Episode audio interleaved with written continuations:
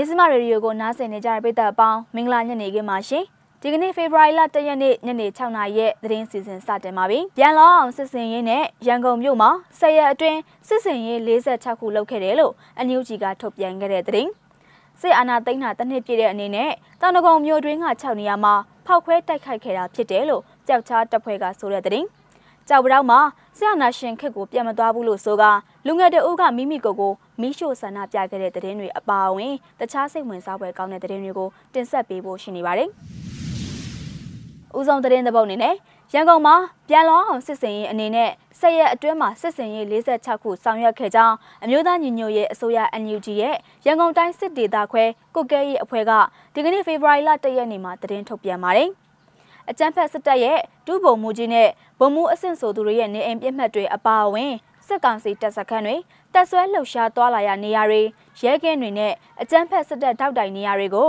ပြည်သူ့ကာကွယ်တပ်ဖွဲ့ PDF တွေကဇန်နဝါရီလ22ရက်နေ့ကနေဒီကနေ့ဖေဖော်ဝါရီလ1ရက်နေ့အတွင်းအဓိကထားတိုက်ခိုက်မှုတွေကိုဆောင်ရွက်ခဲ့တာဖြစ်ပြီးတော့စစ်ကောင်စီတပ်သား3ဦးသေဆုံးကအများပြားဒဏ်ရာရရှိခဲ့တာပဲဖြစ်ပါတယ်။အဲဒီတိုက်ခိုက်မှုတွေမှာဒလမြို့နယ်ပညာဒလရက်ကွက်ဥအောင်စရဆယ်လန်းမှာရှိတဲ့ စစ်ကောင်စီလေတပ်အုပ်ချုပ်ရေးဌာန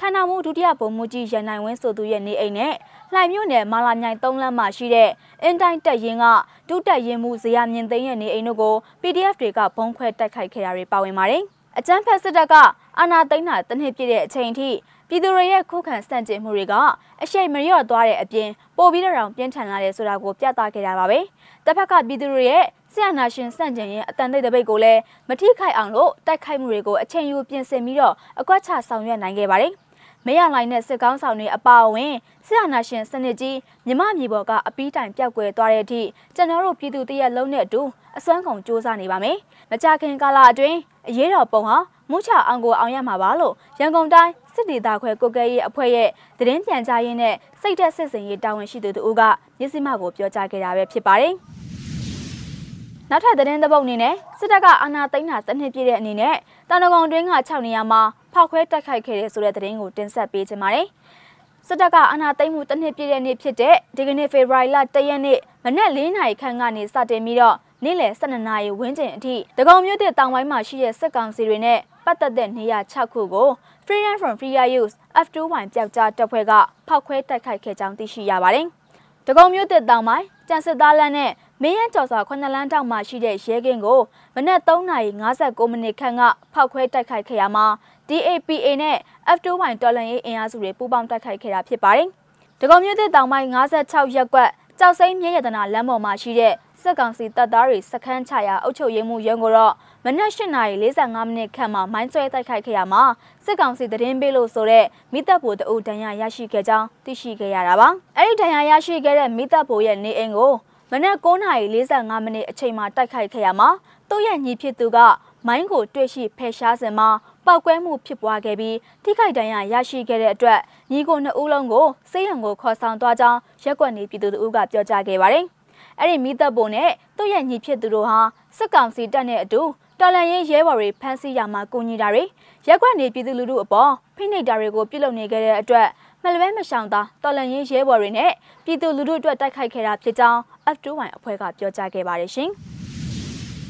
ကြောက်တောင်မြို့မှာဆီယနာရှင်ခစ်2002နဲ့2005ခုနှစ်ကိုပြန်မသွားဘူးလို့ဆိုပြီးတော့ဒေသခံကိုအောင်အောင်ကမိမိကိုယ်ကိုမိရှို့ဆန္ဒပြခဲ့ကြောင်းလက်ရှိအခြေအနေအရ ကိုအောင်အောင်ကိုစိတ်ရံကိုတင်ပို့ထားခဲ့ပေမဲ့တေဆုံးနိုင်ပွဲရှိကြောင်းကြောက်ပြောင်းဒေသခံတအုပ်ကရန်ကုန်ခေတ်သစ်သတင်းဌာနကိုပြောဆိုခဲ့တာပါ။ကြောက်ပြောင်း EBC ရုံးနာမှာသူ့ဟာသူမိရှို့တယ်စာရွက်ထဲမှာလည်းဆရာနာရှင်ခစ်ကိုပြန်မသွားဘူးလို့ဆိုပြီးပြောတယ်။အခုတော့ဆေးရုံတင်ထားပြီးအရေးပေါ်အခြေအနေပါအသက်ရှင်ဖို့တော့နဲမယ်ထင်တယ်လို့သူကဆက်လက်ပြောကြားခဲ့တာပါ။မိရှုဆန္ဒပြတဲ့အမျိုးသားရဲ့အခြေအနေဟာအသက်အန္တရာယ်အလွန်စိုးရိမ်ရကြောင်းသိရှိခဲ့ရပါတယ်။မိမိကိုယ်ကိုမိရှုတဲ့သူဟာကြောက်ပတောင်းမြို့ပေါ်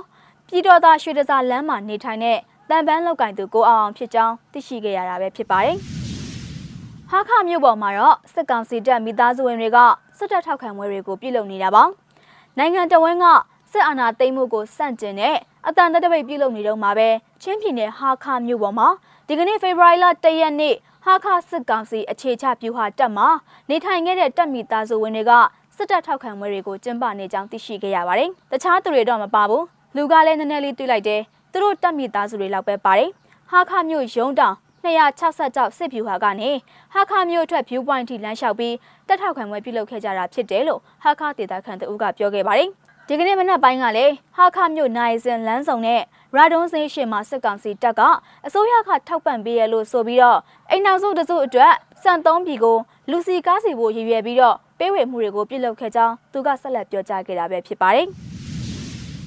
ဖေဖော်ဝါရီလ၁ရက်နေ့ညနေ6နာရီထိနောက်ဆုံးရရှိထားတဲ့သတင်းတွေကိုမြစမရေဒီယိုကနေထုတ်လွှင့်တင်ဆက်ပေးခဲ့တာပါ။နားဆင်ပေးခဲ့တဲ့အတွက်ကျေးဇူးတင်ပါတယ်ရှင်။